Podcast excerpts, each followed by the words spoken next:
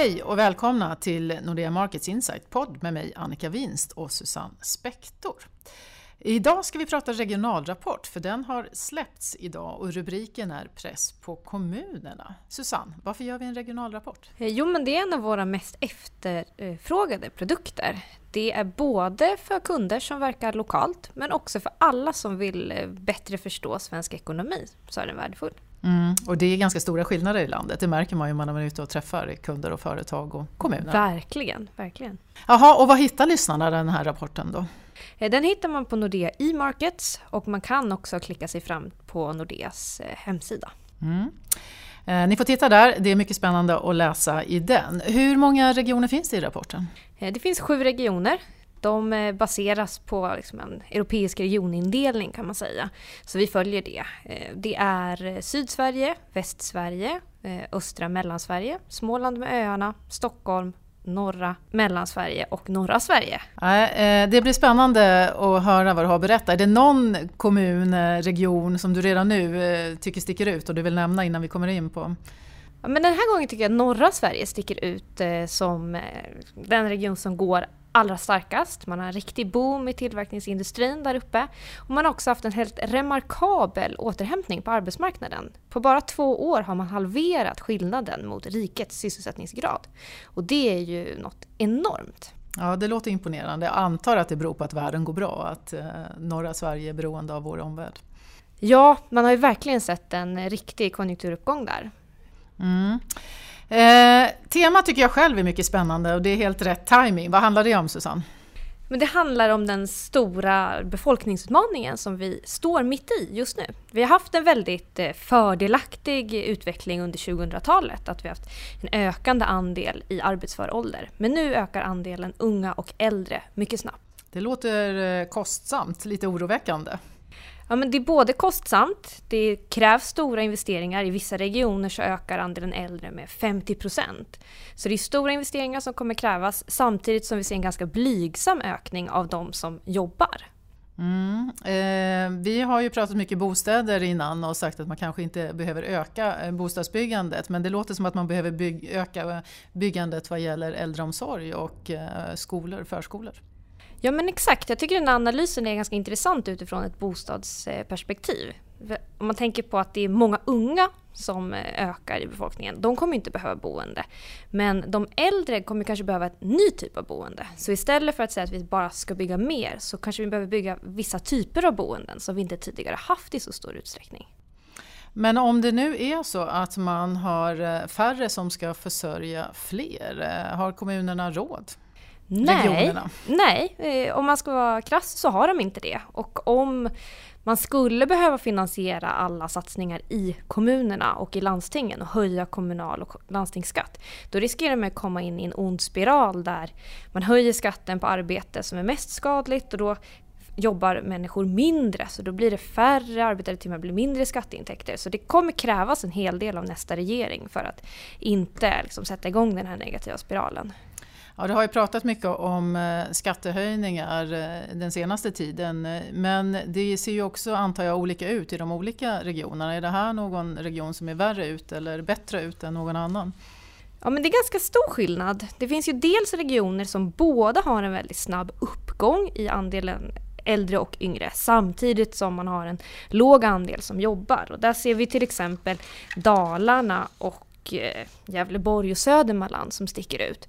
Sen på andra sidan så har man de regioner som har en ganska hög andel i arbetsför ålder och inte en särskilt snabb ökning av unga och äldre. Och där kommer faktiskt Norrbotten och Västerbotten ut allra bäst. Det låter ju ganska anmärkningsvärt.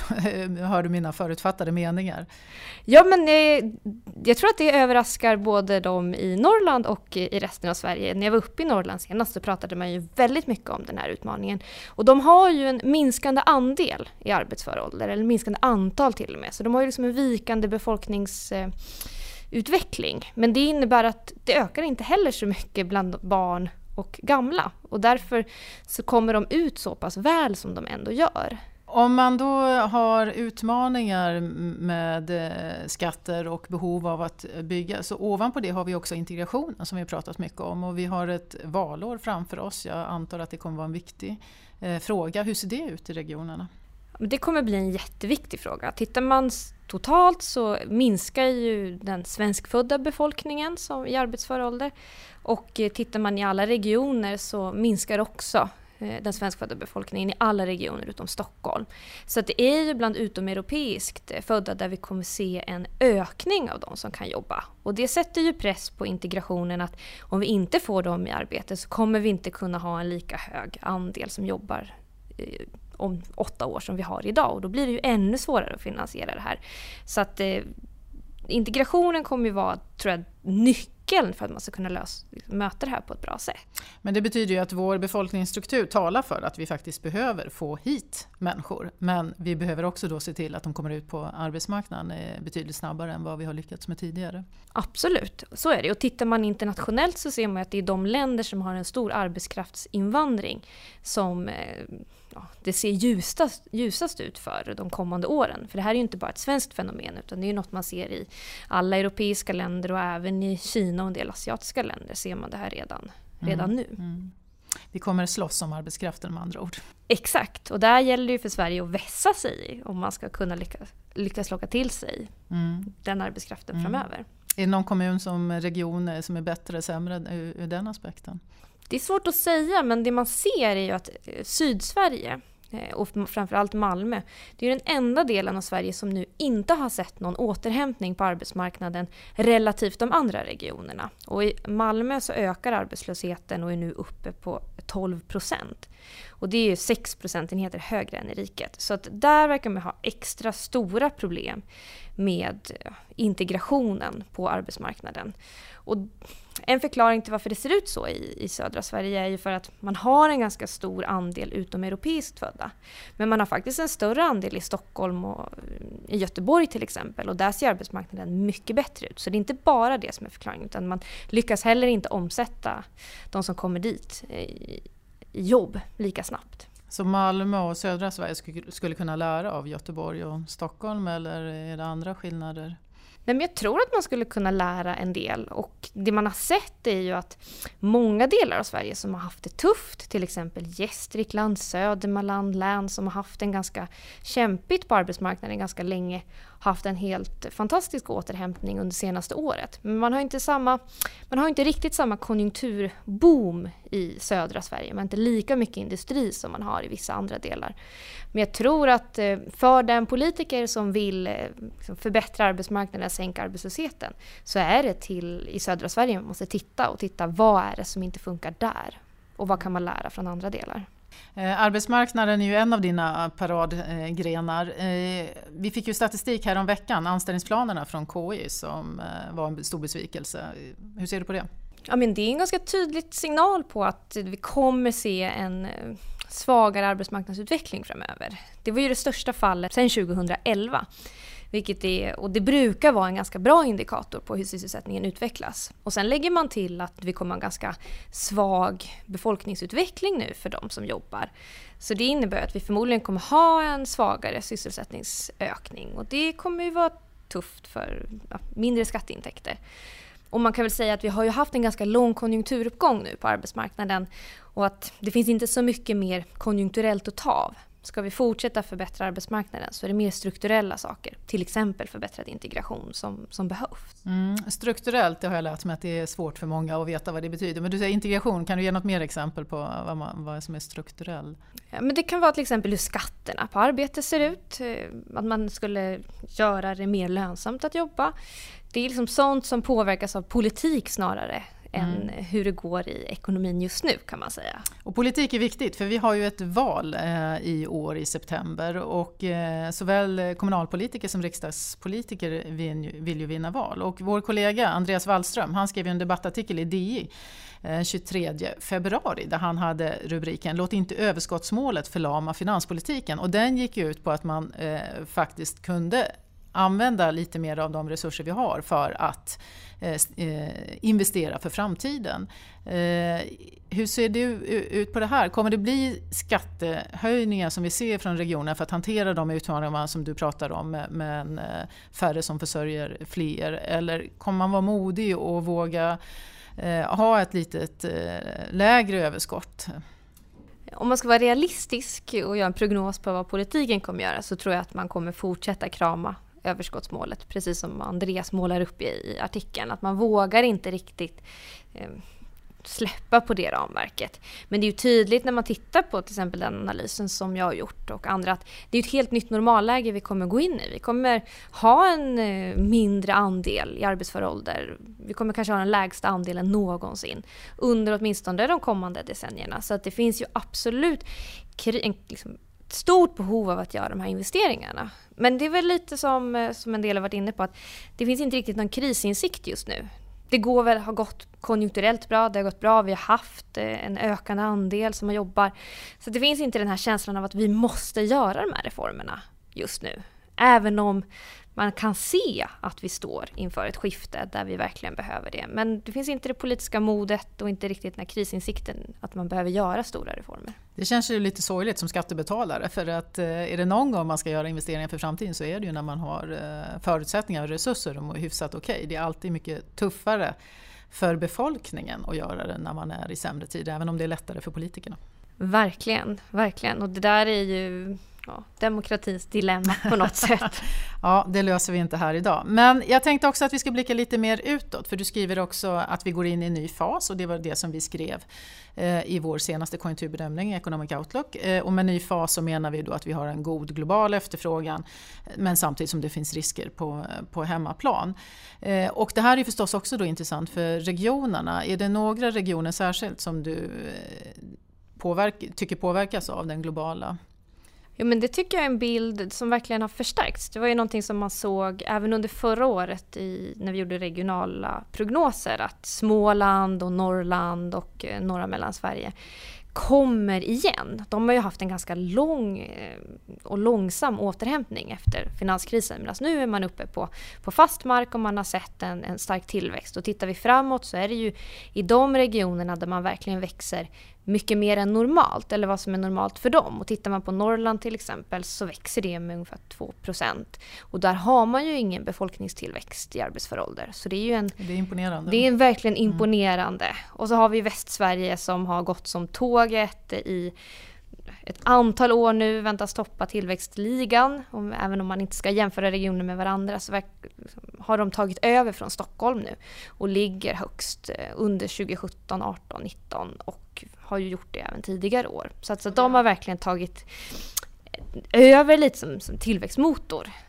Mm, och det handlar om att det går bra globalt och man har mycket exakt, industri antar Och det är också då en förklaring till varför Småland eh, stimuleras som är underleverantörer till Volvo, ja, SKF precis, och industrin i Västsverige. Precis. Och den globala omvärlden den liksom går ju in i liksom ett ytterligare momentum nu. Medan det vi ser i de mer eh, inhemskt beroende Eh, regionerna så kommer vi se en avmattning. Och där sticker ju Stockholm och östra Mellansverige, vilket ju är regionen egentligen kring Stockholm, Mälardalen eh, och ett par till. Eh, där ser man ju en inbromsning, en dämpning och bostadsmarknaden gör ju också störst avtryck i Stockholmsregionen. Både att man minskar antalet nya projekt men också att konsumtionen påverk förväntas påverkas mest här. Och man har ju sett i Stockholm att man har legat lite, liksom, haft mindre optimism, man har varit lite mer försiktig i till exempel KIs barometer ett tag. Och nu ser man det här ännu tydligare även i liksom, tillväxt talen framöver. Mm. Det är tydligt att vi är en tjänste, eller Stockholmsregionen är en tjänsteekonomi och då är de inhemska faktorerna viktigare än för Norrland till exempel eller den tunga industrin i Småland eller Ja men exakt, mm. exakt. Och det där ser tydligt, tittar man på till exempel arbetslösheten så har den legat still i, i Stockholmsregionen medan minskat i de flesta andra delar som vi varit inne på. Sysselsättningsgraden har planat ut. Så Stockholm ser ut att gå in i ett betydligt lugnare läge än man har gjort tidigare. Mm. Eh, det kan ju också vara bra att man inte springer allt för fort. Det var svårt att hitta rätt sorts kompetens med risk för överhettningsproblematik istället. Så det, vi får hoppas på att det bromsar lagom. Men det Absolut. som är lite bekymrande senaste tiden det är ju att eh, Trump är ute igen och pratar tullar och handelshinder. Och eh, vi hade ju, eller jag hade i alla fall när jag var ute i höstas och pratade en, en bild där jag visade då att man, man var lite bekymrad in, inför Trump när han vann valet att det skulle bli handelshinder, murar och att resten av världen skulle svara med samma mynt. Men om man tittar på handelsstatistiken så har ju faktiskt inte det sett ut så utan tvärtom. Handeln i världen har ju till och med ökat. Eh, vilket är positivt överraskande, det vill säga omvärlden svarar inte med samma mynt som Trump nu är han ute igen och nu hör man ju ganska obehagliga signaler. Det är dåligt för världen, det är mm. dåligt för Sverige men jag antar och utgår att det också är dåligt för vissa av våra regioner. Eh, kan du kommentera det? Ja men verkligen. Och den här bilden av att det är de omvärldsberoende regionerna som drar, den kan ju riskeras att eh, bromsas om nu man sätter upp handelshinder. Och Norrland, de tänker man ju direkt på när man pratar ståltullar. Det är ju en väldigt råvaruberoende liksom, region. Tidigare, förra gången man hade ståltullar i USA, så var ju Sverige eller svenska företag undantagna för att man har specialstål som amerikanska företag behöver. Så det återstår väl lite att se var det kommer landa, om Sverige kommer drabbas hårdare den här gången. Men det är helt klart så att det skapar oro kring svensk eh, exportindustri på ett sätt som är synd. Man kanske håller igen med investeringar ifall att eh, redan nu. Så att det, man kan kanske förvänta sig en liten dämpning av optimismen i, i de regionerna som är väldigt omvärldsberoende. Mm. Det känns ju inte helt lätt att förstå heller hur det ska gå för USA som är väldigt importberoende eh, land. Så att, eh, vi får väl se var det där landar. Men det är väl kanske tur då att det går så bra för Norrland som det gör i dagsläget. De verkligen. Tål, verkligen. Tål lite grann. Eh, kronan är fortfarande svag. Eh, vilka regioner är det bra för och vilka är det mindre bra för? Och det är lite samma, det förstärker liksom ytterligare den bilden av den nya fasen. Det gynnar ju såklart de som exporterar medan de som, eh, och det är ju som vi har varit inne på, Småland, eh, Norrland, Västsverige och, och viss del norra Mellansverige. Men de är liksom inhemskt beroende, de tjänstesektorn där man har många anställda så, så är ju en svag krona generellt dåligt. Eh, jag tror att jag är färdig med mina frågor. Är det något som jag missat att fråga dig om som du vill lägga till? Eller någon region som du vill kommentera ytterligare? Nej, men jag tycker vi har fångat upp, eh, fångat upp det här bra. Men något som man kan eh, ta med som jag tycker är en koppling mellan liksom konjunkturen och temat det är ju att om det nu är så att vi får rätt i att den här liksom, nya fasen eh, fortsätter så kan det ju vara så att fler personer stannar kvar ute i landet. I de här prognoserna ligger det ju att man kommer fortsätta flytta in till Stockholm i samma takt som man har gjort. Men om vi nu ser att det går mycket bättre i, resten av regionerna eh, relativt Stockholm än det gjort tidigare så skulle det kunna liksom underlätta för de regioner som har lite svagare befolkningstillväxt. Så det tycker jag ska bli spännande att se hur flyttmönstren utvecklas. Och också då påverka bostadsmarknaden och efterfrågan Exakt, exakt. Det kan bli mycket liksom, spillover-effekter från, från det. Mm, det låter som det finns mycket att komma tillbaks till. Eh, nästa eh, regionalrapport, eller när kan vi förvänta oss en uppdatering?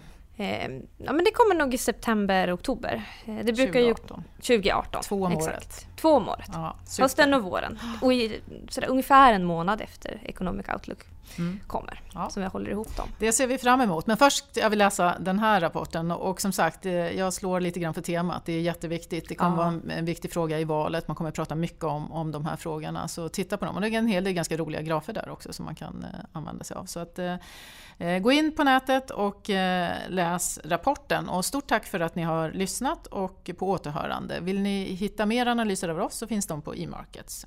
Tack! Tack.